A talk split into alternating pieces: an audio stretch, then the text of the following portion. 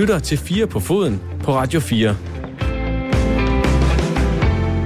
Og mit navn er Dan Grønbæk, jeg er din vært. I weekenden der blev det ringeste Barcelona-hold i flere år slået af et Real Madrid-hold, som lige havde fået stry af et ukrainsk reservehold i Champions League. Er myten om El Clasico ikke bare større end selve kampen, men mange gange større?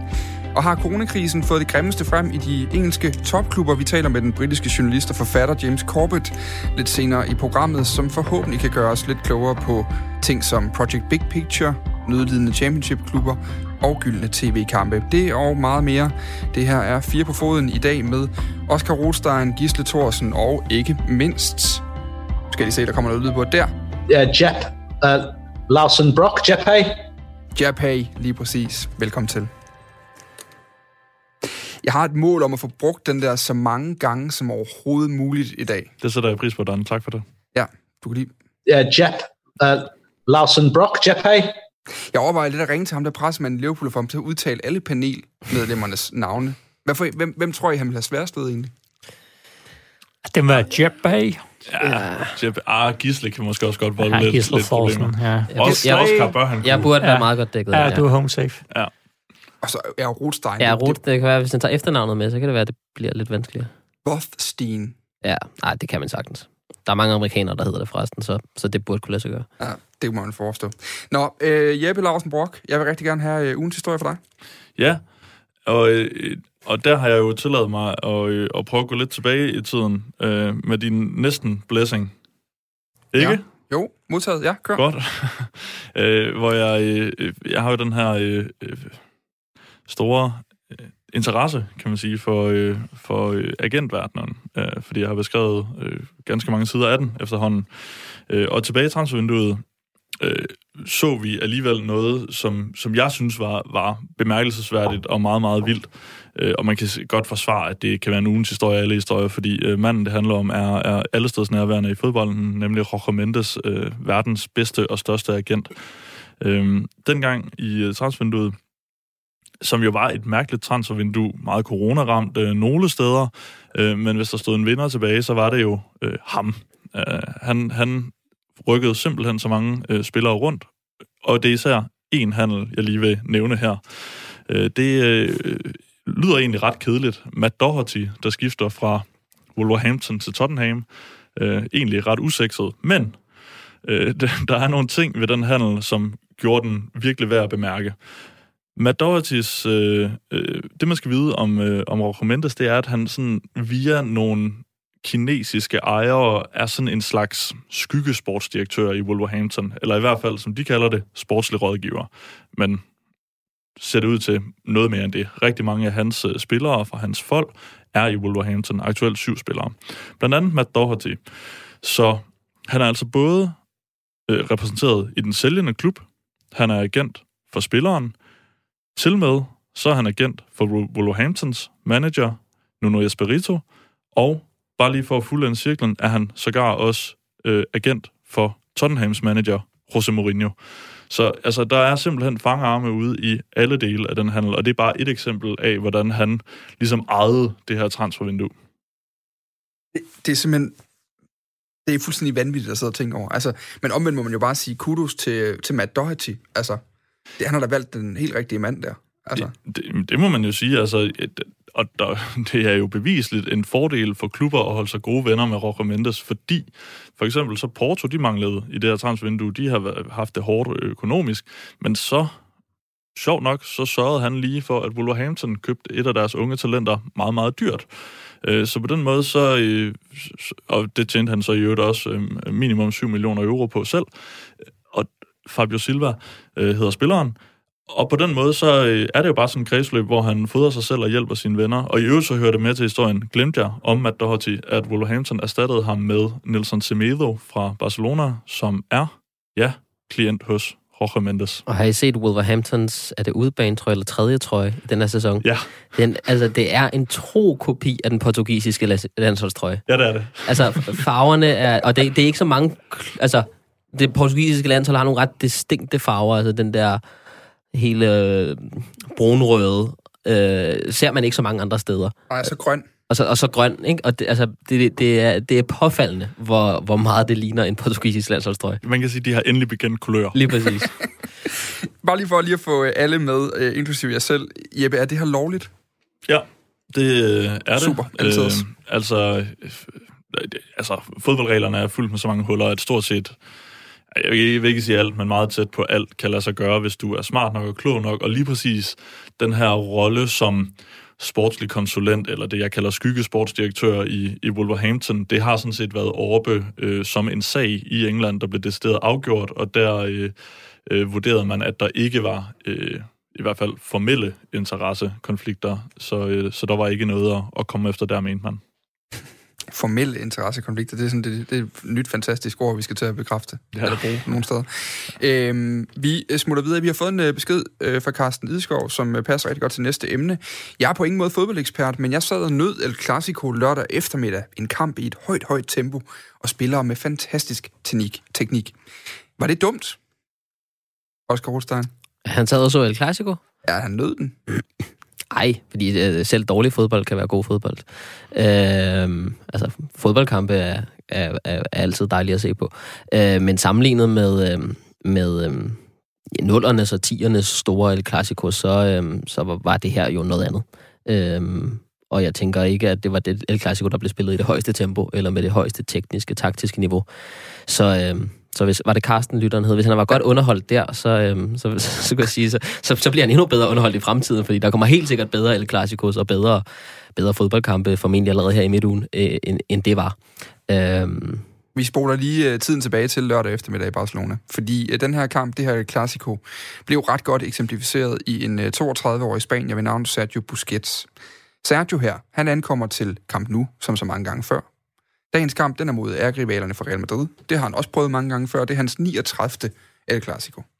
Kampen, den fløjtes i gang. Busquets, han starter inde, præcis som det plejer at være de sidste mange år. Bortset fra selvfølgelig, at alle de der mange, mange, mange, mange tusind sædepladser, de står støvet uberørt hen. Inden for de første 10 minutter, der er der scoret to mål. Et til hvert hold. I resten af kampen bliver der kun scoret to mål mere, og de er begge to i Barcelonas net. Busquets, han spiller dårligt. Han, øh, efter 30 minutter af kamp, der er der blandt andet en situation, hvor han taber en duel til Toni Kroos, en tysk midtbanespiller fra Real Madrid, som er kendt for at være rigtig dygtig til nærmest alt andet end at løbe stærkt. Kroos, han løber fra Sergio Busquets. Øh, Busquets er langsom, hans afleveringer er upræcise, og flere gange så ender det i farlige situationer. Han bliver skiftet ud efter 82 minutter, efter en indsats, som flere medier beskriver som en af de værste nogensinde for ham i en Barcelona-trøje. På bænken, da han sætter sig ned, der er det med frustration, lysen ud af ansigtet. Øh, en mand, der ellers normalt ikke øh, ser ud af særlig meget, eller i hvert fald ikke har særlig mange indtryk eller udtryk til særlig mange forskellige ting. Efter kampen, som øh, Barcelona taber 3-1, der øh, forlader han forlader stadion der, den der er sent lørdag aften garanteret, der ligger de på en 12. plads i La Liga, altså den her spiller og den her klub, der har vundet alt i verden. Gisle Thorsen, hvad var det for en kamp, vi så? Hvad var det for en kamp? Hvad kunne den? Og øh, nu er vi lidt inde på, at tempoet var højt, men det var lavere, end det plejer at være. Mm. Ja, ja, så var det jo også... Altså, vi bliver ved med at vende tilbage til det her. Altså, fodbold uden tilskuere, det, det, det gør altså også noget ved, ved oplevelsen, og jeg tror også, det gør noget ved spillet. Altså, den der intensitet, som vi forbinder med El Clasico, det, det er svært at få den helt op på det der niveau. Øhm, Barcelona får jo heller ikke den hjemmebanefordel, som, som de ellers ville få. Øhm, men, men to hold, der... Ja, Oscar, han, han sagde det jo også før, altså det er, jo, det er jo ikke, hvad det har været, men det er også fordi nogle af de her bedste skuespillere, hvis vi kan kalde det det, hvis vi skal hæve det op til noget mere end en fodboldkamp, altså den her forestilling med, at nu kommer hovedstadsholdet, og, og så har vi de andre, der, der gerne vil bryde ud af Spanien, og de har nogle gladiatorer hver især. Altså, der må man bare sige, altså Ronaldo er væk, så du har jo ikke den der Ronaldo-Messi-duel, som, som vi har talt om så mange gange, og der er også, der er også andre, så, så den, den, den mangler lige det der, øh, og så er de også halter lidt, og så kan man sige, trænerne er jo heller ikke så markant, som de har været. Der, der er ikke en, en Mourinho til at øh, tænde op under det, så, så det er ikke kedeligt, det er det ikke, og jeg vil altid se El Clasico, men, men jeg glæder mig også til, at vi, som Oscar har lovet os, at det, at det bliver bedre i fremtiden. Jeppe Larsen Brock, øh, jeg havde jo, jeg har ikke engang bare en lille, lille øh, ting, jeg byggede op i et oplæg. Det var faktisk en relativt øh, markant udmelding. Jeg synes, det er en aldeles middelmåde i kamp i forhold til, hvad den bliver øh, bygget op til. Er øh, El Clasico øh, omdømmet, er det, er det mere myte, end det er, det er virkelighed og, og, og, hvad kan man sige, nutid? Nej, det er bare en, det er en fase, som man øh, som siger, men det er jeg nu ret overbevist om, at det er. Øh, det, er øh, det er også på en eller anden måde særlig uheldigt, at øh, de to største klubber samtidig er inde i en periode, der, der er så ukarakteristisk og så dårlig i forhold til det niveau, vi har vendt os til at, at se den på. Øhm, normalt vil trods alt det ene hold være imponerende, eller også så vil der, netop som Gisle siger i en periode, så vil der have været Messi til at, at, at stråle, eller Ronaldo og den duel der. Øhm, så det er en fase lige nu, hvor begge klubber er ved at finde deres fodfæste på ny, og det er det, der gør det til en, en særlig kedelig oplevelse i forhold til, hvad man har været vant til. Så må også bare sige, de to klubber er også bare ekstremt. Nu ved jeg godt, at alle klubber er ramt af corona, men, men det er altså ramt meget, meget hårdt i, i Spanien. Altså, hvis du så Barcelonas regnskab, var det jo, det var jo ja, det var jo ikke bare blodrødt, det var det, var det der, var, der var meget værre end det.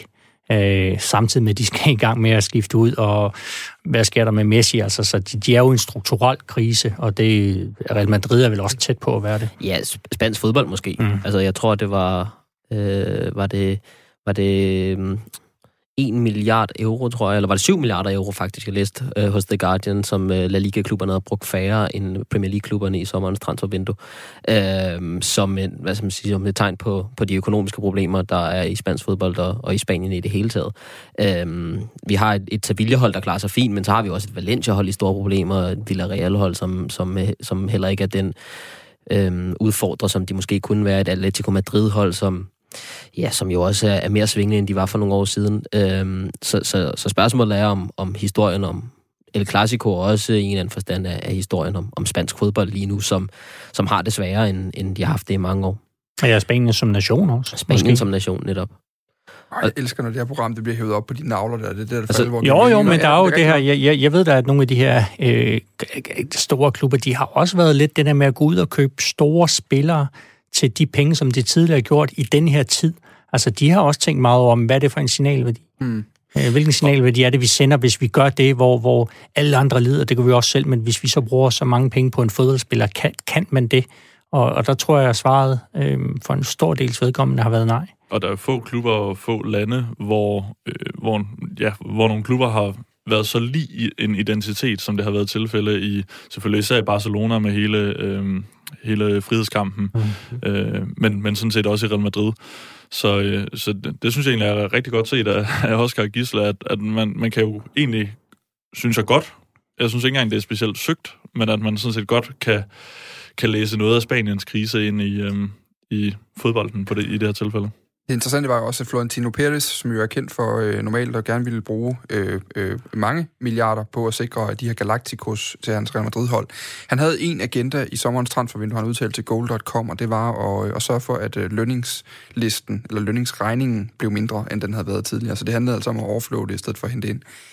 Øh, jeg kunne godt tænke mig lige at fokusere på magtforholdet mellem de to klubber nu. Øh, Jeppe, da jeg ringede til dig den anden dag, øh, som jeg jo altid gør for lige at lige snakke emner og Øh, mest af alt lige for at vide, hvorfor nogle af emnerne også er tosset, og hvorfor vi skal lave noget andet. Sådan ting. Der, der, en af de ting, jeg nævnte for dig, det var, at, at jeg synes, at Real Madrid faktisk havde fået tippet den her øh, relativt populistiske øh, sympati øh, øh, øh, vibe over mod dem. Altså, hvor sympatien i mange år har været med Barcelona og La Masia, og især med Messi og med det her kul, som ligesom har, har hen, henrykket os alle sammen.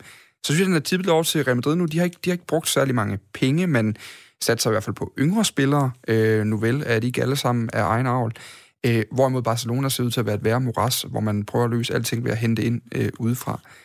Køber du den? Det gjorde du ikke i fredags, men nu har du lige fået weekenden til at tykke på den. Jamen, det gør jeg egentlig stadig heller ikke. Nå, jeg, jeg, jeg tror egentlig heller ikke rigtig så meget på, på den her sympatikamp, fordi internt i Spanien, jamen, der er du det ene eller det andet, så der er jo sådan set, altså, der er jo givetvis nogle neutrale et sted midt imellem, men jeg er ikke sikker på, at, jeg, jeg tror lidt, det er en konstruktion, vi hiver ned over fodbolden, det her med, øh, øh, om det er sympatisk at bruge unge spillere, eller, øh, eller ej.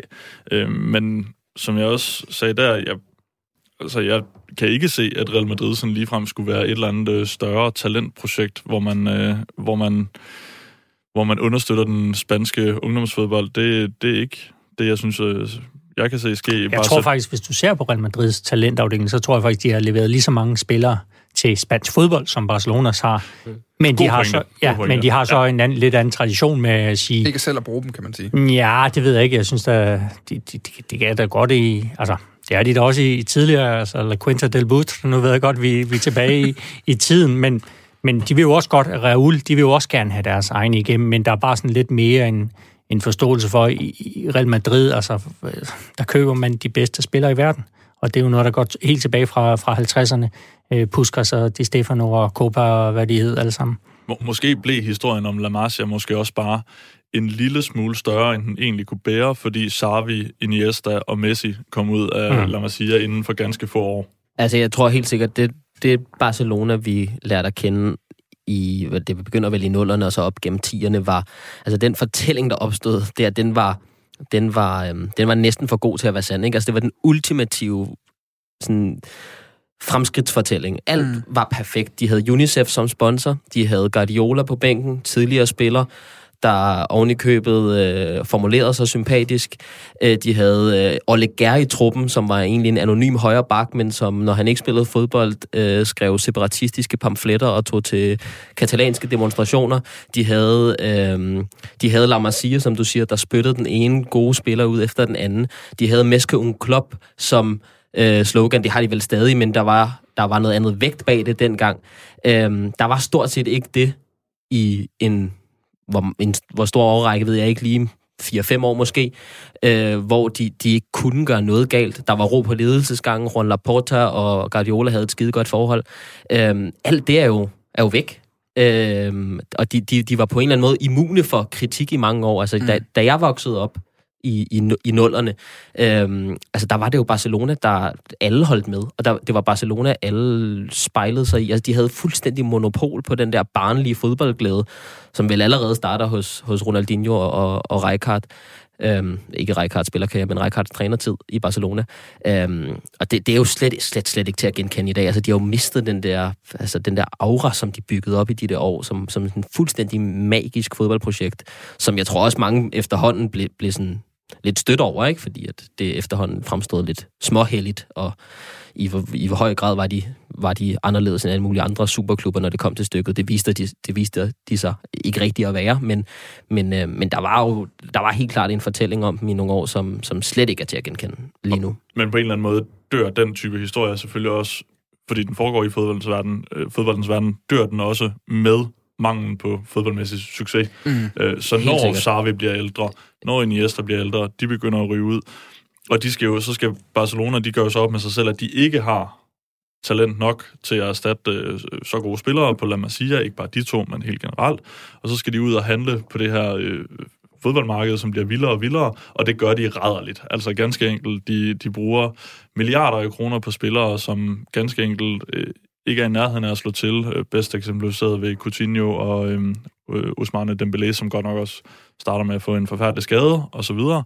Men der og er så er de jo også ramt ind i det her med, nu taler man jo også uh, tiki-taka, det var jo også dem, der, der blev eksponent for dem, ja. eller for det, øh, hvor, hvor man siger, okay, men, men nu har fodbolden taget en anden drejning, så, så nu har de Barcelona ikke længere svaret på, hvordan fodbold skal spilles. 100 procent. Altså, øh, for tegnet, så, så var det jo altså Barcelonas storhedstid der i, i, i nullerne og, og starten af 10'erne, det var jo afleveringens år, eller afleveringens tidsalder, ikke? og så, så kom presspillet lige mm. pludselig, øh, og de ting, øh, som sådan ikke hinandens modsætninger, men, men det, er jo, det er jo helt rigtigt, at Barcelona var jo var jo stedet for at finde, og det hænger selvfølgelig sammen med Guardiola, stedet, hvis man skulle hente taktisk inspiration. Mm. Det mistede de samtidig med, at de, de mistede La Masia. Altså La Masia er jo en skygge af sig selv i dag. Mm. Øhm, og de mistede, øh, de mistede den der fornemmelse af, at, at, at Barcelona var noget særligt. Lige nu så fremstår de bare som en, en stor klub i mængden af andre store klubber. Men er det ikke stadig på en eller anden måde den historie, de prøver at holde en lille smule fat, fast i ved, det tror jeg helt at, ved at hente uh, Frenkie de Jong, jo. altså Ajax' uh, store playmaker på midtbanen, de henter Ronald Koeman som træner, fordi ja. hele den her Pep Guardiola-historie går jo i virkeligheden sådan længere tilbage, nemlig til Cruyff, mm. som stifteren af La Masia, og den store træner, som Pep jo selv var spiller hos. Uh, så, så det er jo sådan at holde fast. De leder jo efter noget, der virker, historie, ikke? Fordi ikke? du kan sige, de gange, eller de år, de har haft aller, aller størst succes, jamen der har det jo været med tidligere Barcelona-spillere ved, eller på trænerbænken, altså Johan Cruyff, øh, Guardiola, Frank Rijkaard, øh, ja, var han, var han spiller i Barcelona? Rijkaard? Ja. Oh, det var han vel. Mm, jo, det synes det jeg også. Men det skulle jeg, ja, jeg lige slå det op, fordi jeg sidder her jo bare og er ganske lyttende observatør men, men, men det, det, det, det, er jo, det er jo det, de har altså let efter det her med, altså nu er der en, en, end FC København. Hvis vi tager Danmark, der, der, da de fyrede Ståle Solbakken også var ude og tale om det her FCK-DNA, og, og det, er jo, det er jo så populært. Altså Barcelona vil jo også tale om jamen, det her Barcelona-DNA, som om det er noget fuldstændig særligt, og du skal, for at kunne fungere i den her klub, så, så skal du kunne det og det. Altså. Ja, og det, på en eller anden måde kan man koge det ned til, til, øh, til sponsoren på, på klubtrøjen. Ikke? Altså den overgang fra UNICEF til Qatar Airways er, øh, er sigende for alt muligt. Altså både for Barcelonas øh, øh, udvikling og for, for den moderne fodbold i det hele taget. Altså, UNICEF var den ultimative, uskyldige sponsor, ikke? Altså, ja, ja, så var der jo filantropi den, altså, det, strålet ud af trøjerne, Det startede med, at de, de ikke havde den her sponsor, ikke? Fordi der var de ikke... ville ikke have en sponsor. Lige nok, der var ikke nogen, der skulle stå på, på deres hellige trøje, hvis vi kan sige det på den fasong. Vi slipper, øh, vi slipper øh, lige Barcelona lige om lidt. Altså, jeg kan lige sige, Frank Rijkaard nåede faktisk ikke at spille i Barcelona som, øh, som spiller. Men til gengæld så er han jo så det er, fordi jeg er så ung. For, ja, det er rigtigt. Det er men også. han er jo til gengæld repræsentant for Ajax-delen, som, yes. som de jo hele tiden har været tæt øh, knyttet til lige Jeg håber ikke, min far hører det her. Han når at spille 11 kampe for en anden spansk klub. Hvad ja, var det, han når at spille for? Øh, han var i Real Zaragoza, ikke? Det er giftigt, det der Gisle. Det er godt arbejde. Det er godt, du arbejder med det her til daglig. Jeg kunne godt tænke mig lige... Ja, nu er det mig selv, der præsenterer ham som Barcelona-spiller, øh, så må jeg også lige skyde ned med, med Zaragoza. Jeg kunne godt tænke mig lige at runde af med at sige, øh, eller lige med at, at bringe et andet øh, ting ind, der også er, at I var inde på det her med presspillet, der ligesom overtog for afleveringens tidsalder og sådan nogle ting. Men, men det, at Barcelona har gjort, det er, at de har holdt fast i noget, der var enormt succesfuldt. Det kan man vel et eller andet sted også godt tale om i FCK, at man holdt fast i en, i en, en spillestil, i en kultur, som på et tidspunkt bare, uden man rigtig har opdaget det, fordi der har været løbende succes, ser gammeldags ud. Er det det samme med Barcelona nu? At det også er spillestilen, der skal have en modernisering, før at man for alvor gør sig de, de har jo rykket sig. Altså, Ernesto Valverde spillede jo, og det var han jo kritiseret for at spille på mange måder, ikke særlig barcelonask. Altså, det var jo det var defensivt på, på en helt anden måde, end uh, tidligere træner var. Øhm, Men var samtalen ikke også der, at man skulle tilbage til Barcelona-dyderne? Efter jo, jo, jo, jo, 100 procent. Men må ikke det er sådan et pendul, der svinger lige meget hvad, ikke? Altså, hvis de er for meget over i, i den ene ende, så, så vil der være folk, der mener, at de skal bevæge sig i den, i den modsatte retning. Øhm, så, så, så jeg tror egentlig, at, at den der, den der øh, pragmatisme er, er, er til stede i klubben på en anden måde, end den, den var tidligere, hvor det var meget dogmatisk. Altså, der er helt klart nogle sprækker der. Øhm, og, og kunsten for, for, ja, for den næste træner, vil jeg sige, fordi jeg er helt overbevist om, at Koman er, er en overgangsfigur.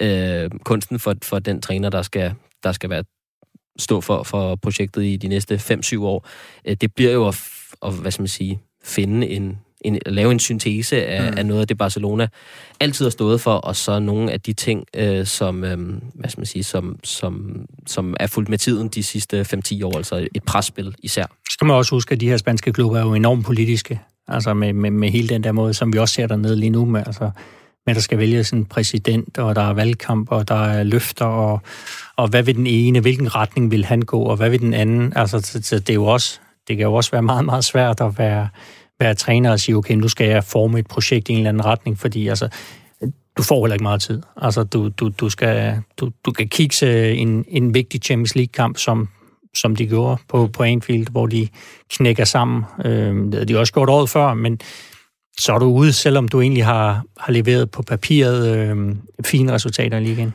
Jeg, jeg tror, sådan en klub som Barcelona er særlig svær at revolutionere rent fodboldmæssigt, netop fordi, at klubben også er en følelse. Altså, mm. det er jo ikke bare en fodboldklub, hvor du kan gå ind og spille på en hvilken som helst måde.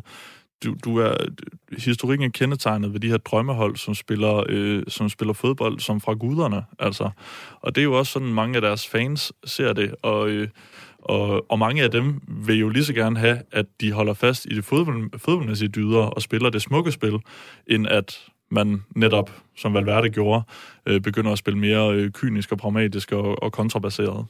Men, men samtidig skal du også vinde, ikke? Og det er jo, det, det, det, og, og, det, det, de, de, de hiver også halster, eller lomterklæderne op med det samme, hvis, ja. hvis de er bagud. Hvem er tættest på, øh, på den, ikke på Fordums storhed, men på den nye storhed af Real Madrid og Barcelona?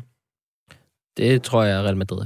Ja. Altså, jeg, jeg ser Barcelonas problemer som, som sådan anderledes strukturelle end Real Madrid, selvom der sikkert også kan være elementer af den slags i, i Madrid.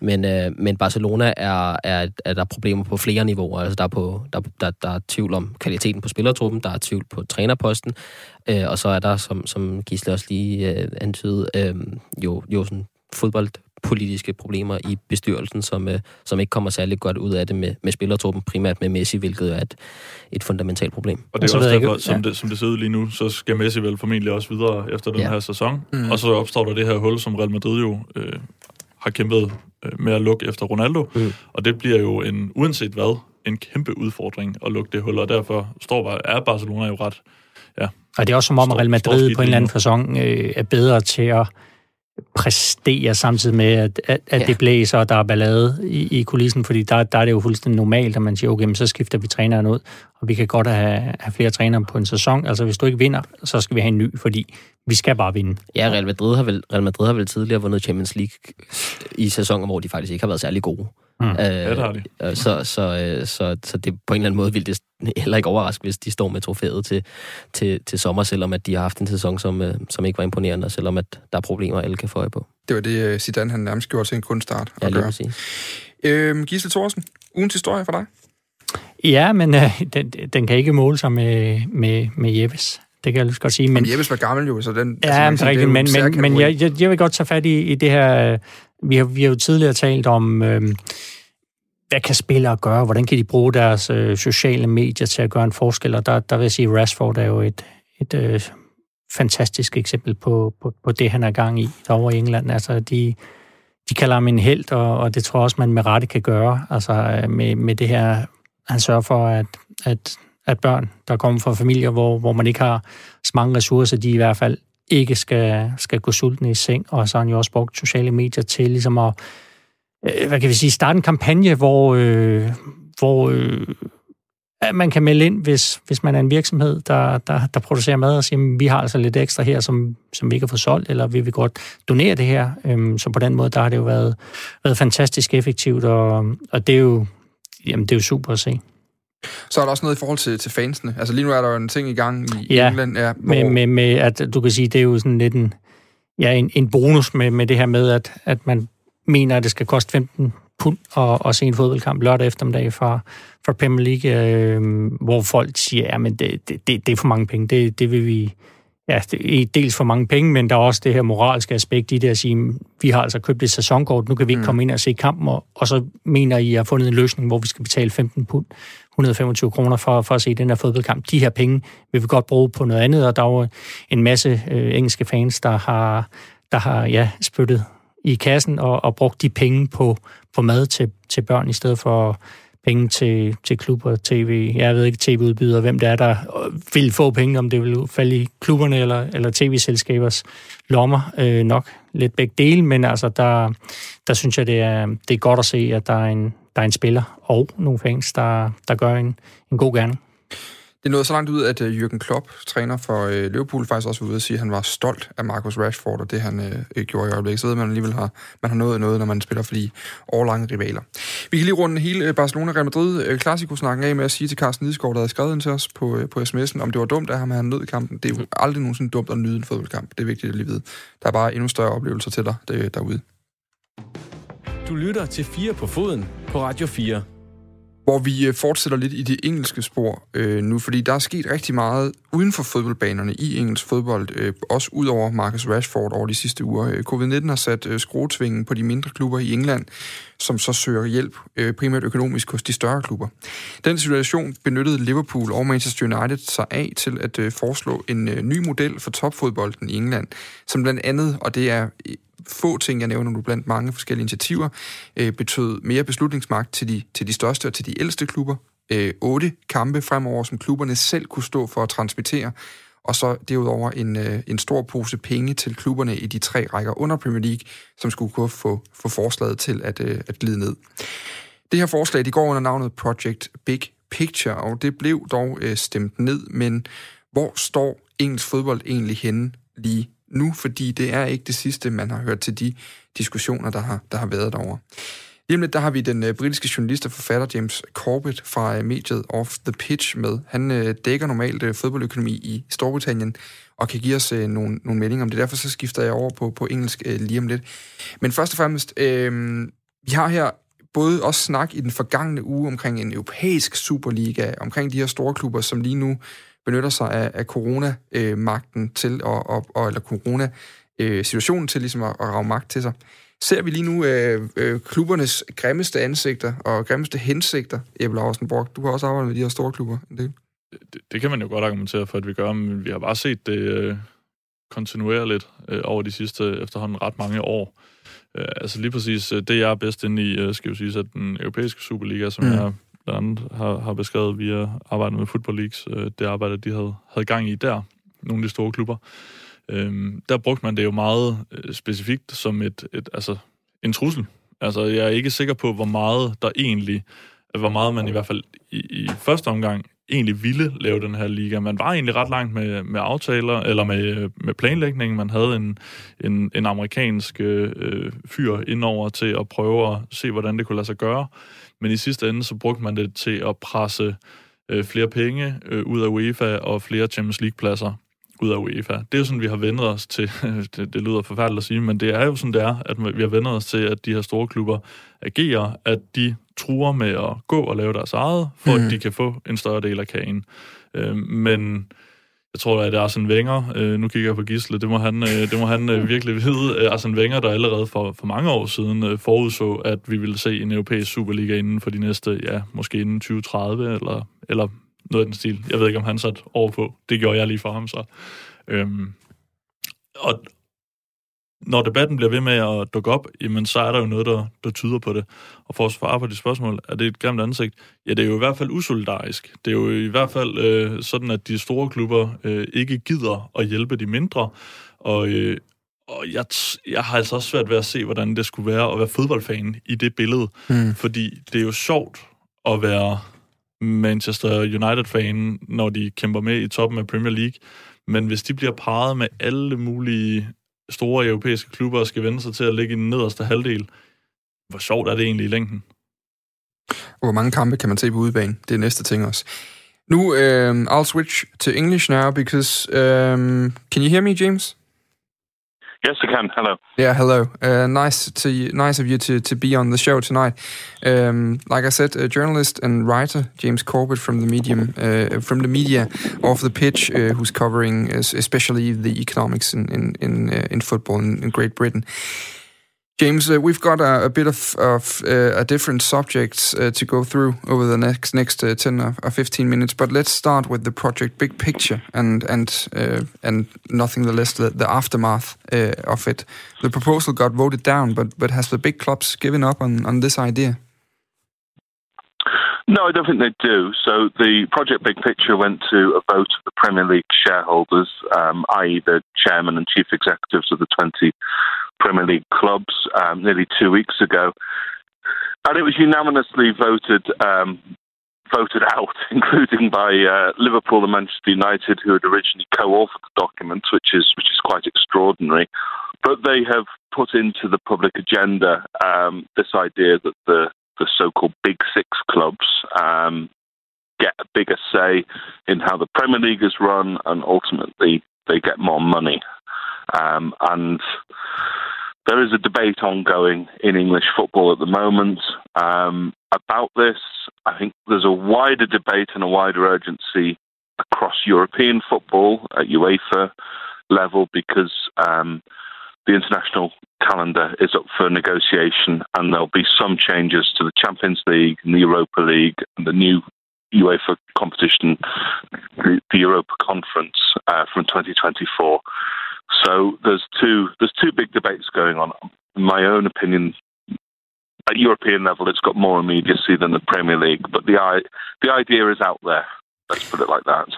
But what what they proposed in this uh, project, big picture, I would suppose that it's okay to call it big and, and radical changes to the the British uh, football, and not nothing less the, the power structure in British football and the economy. Um, why are these ideas coming to the light now? Uh, how hard has, has Corona hit British football? Well, I mean, I think there's, there's two separate things here. So, Project Big Picture was initiated in 2017, long before anybody had any notion that the world would be taken over by a pandemic. And its authors were Rick Parry, who is um, a former Liverpool chief executive and a former Premier League chief executive, and um, Fenway Sports Group and the Glazers, who respectively run Manchester United and Liverpool. And it was an ideas paper that they knocked around, and they have they've tacked on a bailout in the last few months for the English football um, pyramid in the wake of coronavirus. So you have you have two you have two ideas merging on this paper. Um, in terms of changing the structure of um, English league football, well, it would it. I mean, that's what the de- the devil is in the detail, as they say. So, at the moment, um, the football league clubs get around 12.5% of the Premier League's broadcast revenue. It's redistributed amongst. This would increase to 25% um, going forward. And um, but actually, if you look at the if you look at the way that it's that it's handed out, the the increase is less generous than it seems at mm. first, because because those TV rights are going to be worth less because it's it's it, it's at the same time giving giving the bigger clubs the power to negotiate some of their own TV deals. So the pool that's spread around, you know, the football league clubs would get a bigger share, but it would be of a it would be of a smaller um, total, if that makes any sense. And then in terms of how the Premier League is governed at the moment, all, all of the shareholders get an equal share. So whether it's a newly promoted club, um, like Huddersfield a few years ago, who had no pedigree at all in the in the top flight for nearly 50 years, or Man United, they have equal say. What would happen is under the changes is, is the nine longest standing Premier League members would um, would effectively form an executive board, and a two thirds majority, i.e., the big six, would would hold hold the uh, hold the power on that. Mm right now, the debate that that went on after the, the, the, proposal was voted down was whether the championship clubs would get the financial support they needed from the Premier League, um, and they seem right now to be the losers of, of this whole situation. Uh, we can just say that the championship is, is the second tier in, in English football. Um, how are how far are they from a from a bailout? Uh, the, the the the solution that's been talked about. Well, it's quite a curious thing, really, because um, the, the, the British government have, have provided various amounts of money to industries that have had to close down because of the pandemic. So, for instance, um, theatre and the arts got 1.8 billion pounds in in August, which has been distributed. Um, but for elite elite sport, it seems to think that it should be self-funding. So, it's put the onus on the Premier League to bail out the rest of the football pyramid. Um, but you know, these are commercial entities, and, and this is a very right-wing um, conservative government with a very laissez-faire attitude to economics. So it's it's it's quite extraordinary in a way that it expects the Premier League to bail out the clubs. Now, the Premier League has has come up with a deal for leagues one and two, which in many ways is is easier to do because they're better governed. Frankly, they've already agreed to a salary cap. Um, there's various cost controls in place, so they're not running up huge debts. Whereas the championship is a bit of a basket case. Um, roughly 110% of championship turnover goes to salaries alone. So all these clubs are effectively being run at a loss, and the Premier League is expected to come in and bail out clubs who, you know, three of whom are going to be rivaling um, rivaling them in the Premier League mm. next year. Um, so, you know, there's a reluctance there overall to do it. Um, I think I think relations are pretty bad at the moment between the Premier League and the Football League, and I think there's also some hope that the government are going to be persuaded to to step in and offer some some sort of loan solution, some sort of guaranteed loan solution, as as they are to other industries or even grants. Um, but as it stands, we're still some way off from from getting a resolution here. And just to take the, the the other part of the question that I asked before, uh, how hard coronavirus has hit uh, or COVID nineteen has hit British football, I heard that Ed Woodward, uh, the the the uh, CEO of Manchester United, or the, uh, the lead of the board of directors there, he said that their income, their revenue had had been cut by nineteen percent during the COVID nineteen. Is there clubs, especially in the championship, who are looking at going broke because of this? I think there's a possibility if there's not a bailout. I mean, I sat in on a conference call with Edward Wood last last week in which he gave United's quarterly results. Okay, United are operating at a, a different level to most of English football, but they're still a bellwether for the for the wider football economy.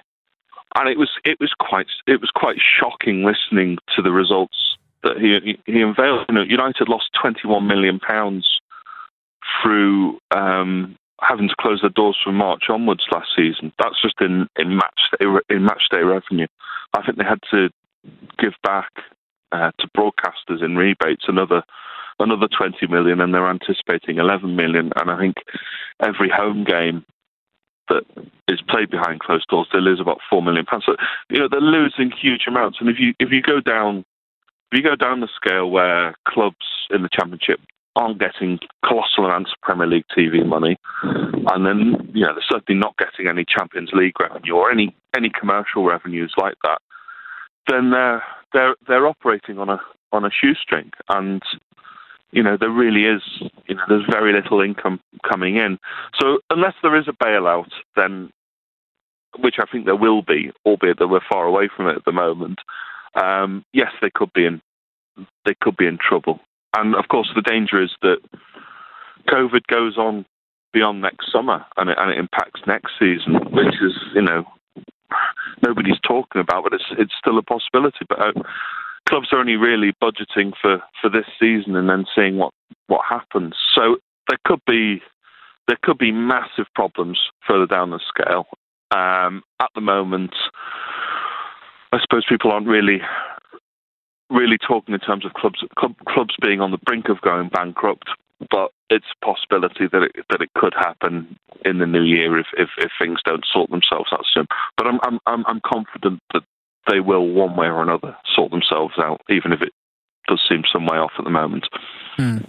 And then the last thing we were just talking in the program. I've got I've got a journalist here from a Danish uh, newspaper who's also covered the possibilities of a European Super League, and that's something that's been talked about uh, too again uh, right now, uh, especially with with the Liverpool and Manchester United. Um, these these talks have surfaced again.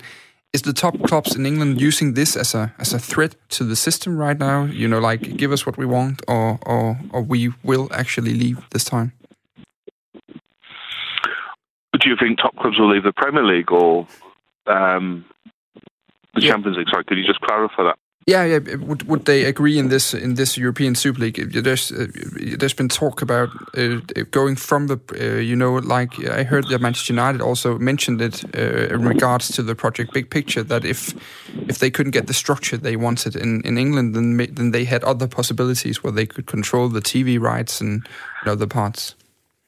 Yeah, I think look, I think it's too much of a risk. I think that's just gamesmanship. I mean, there was a story last week that was that was knocked down that JP Morgan were prepared to bankroll a so-called European Premier League to the tune of 4.6 billion, which is, you know, it's roughly, uh, sorry, 4.6 billion dollars, which is there or thereabouts what the Premier League gets every hmm. year in TV income. So why would you leave something that's so established and you have your ancillary revenue from, from UEFA as well on top of that to enter this this league that nobody knows whether it's going to be sanctioned by FIFA. Nobody knows about its long-term prospects. Nobody knows whether the fans are going to take to it. Um, I just, I just don't see it. I think, I think probably what the Liverpool's and Man United see is a is a a smaller Premier League um, with 30 or 34 games a season and an enhanced Champions League.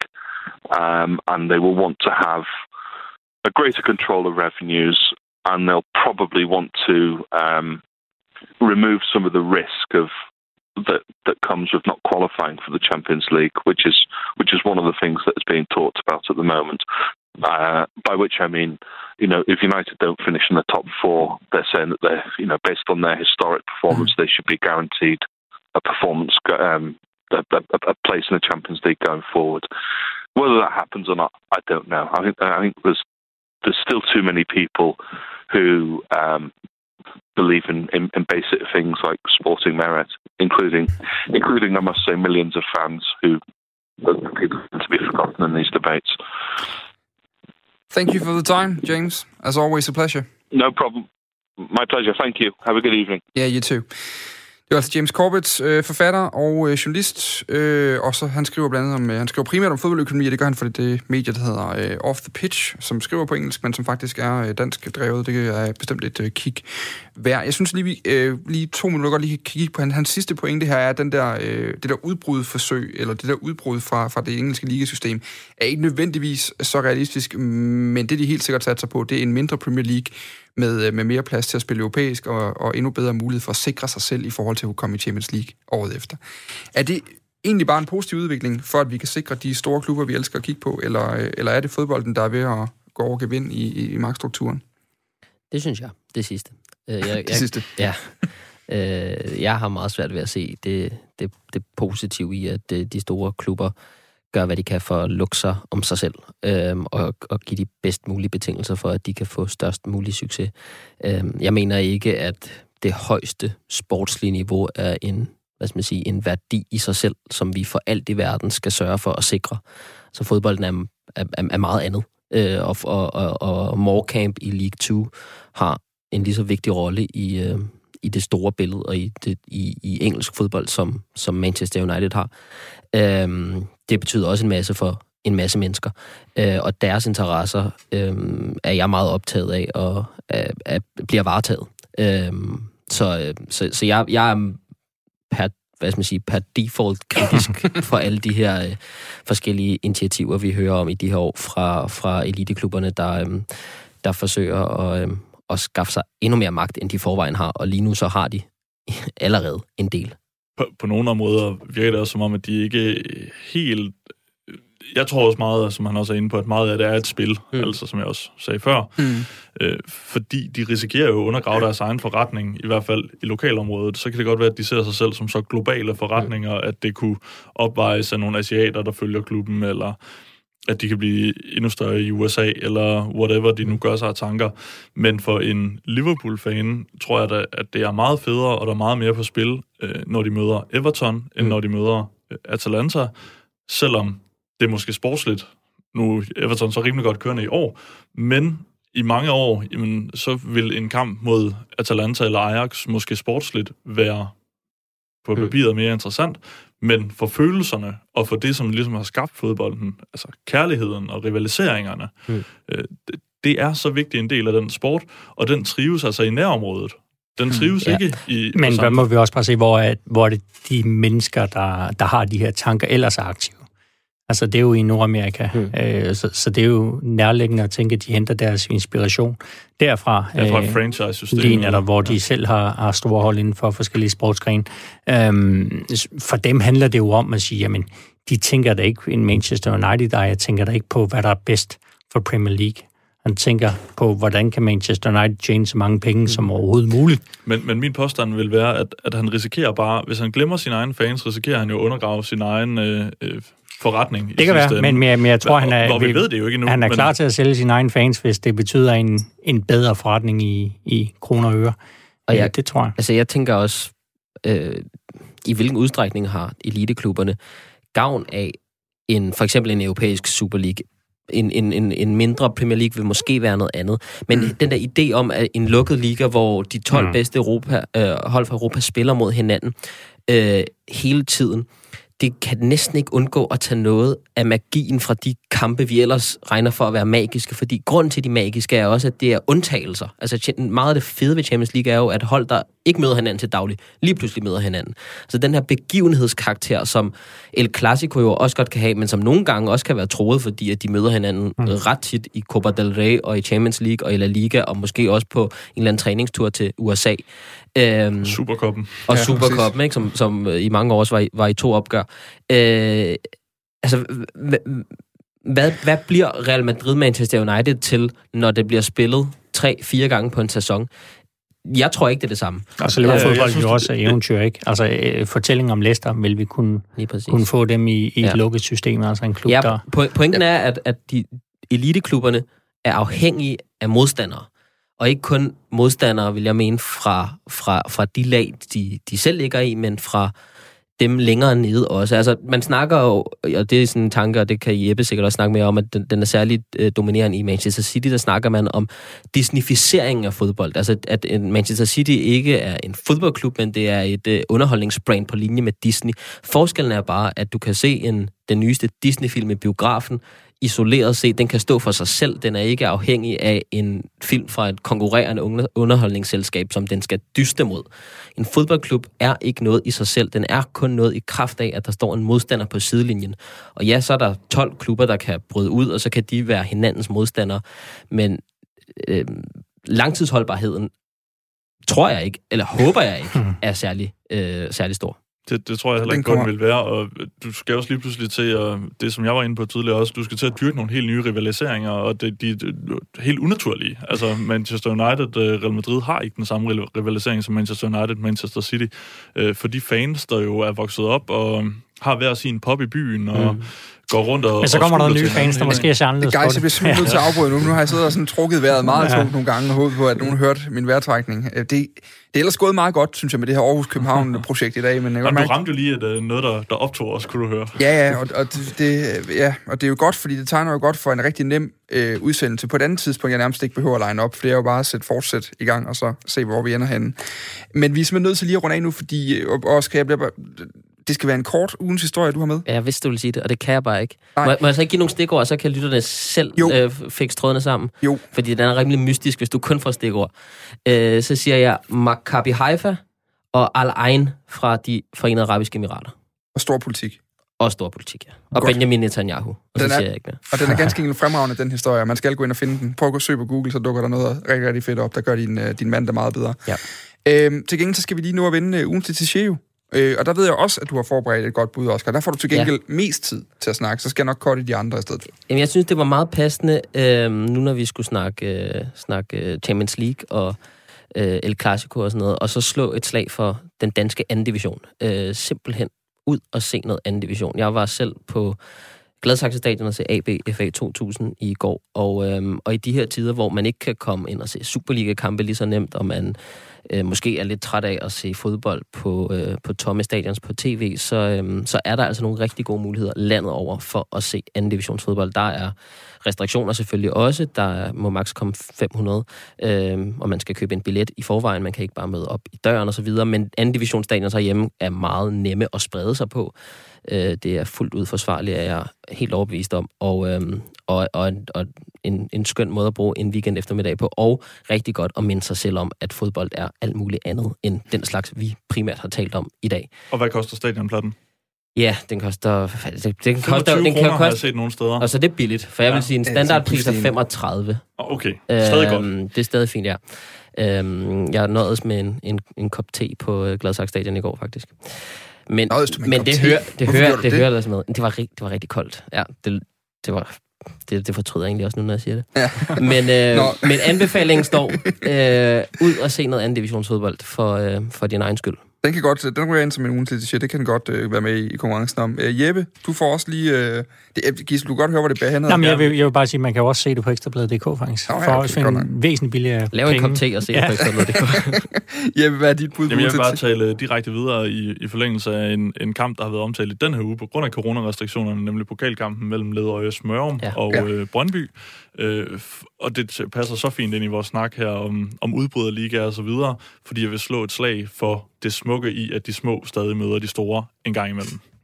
Yes. Jeg så lige, at der... Nu tjekkede jeg lige, mens James Corbett snakkede, tjekkede jeg lige Bold.dk, der er jo far for, at den ikke bliver sådan noget, eller den i hvert fald skal rykkes frem, fordi at Ledøje Smørum nu ikke længere må træne mere end 10 af gangen. sammen. Præcis. De synes måske... Og, og, og det, det- det var en meget det- diplomatisk måde, de siger på, at de synes måske, der kunne være en lille konkurrencefordel til Brøndby, i og med, at de ikke må træne hele holdet Det er et rimelig godt argument, skulle Ja. ja. man mene.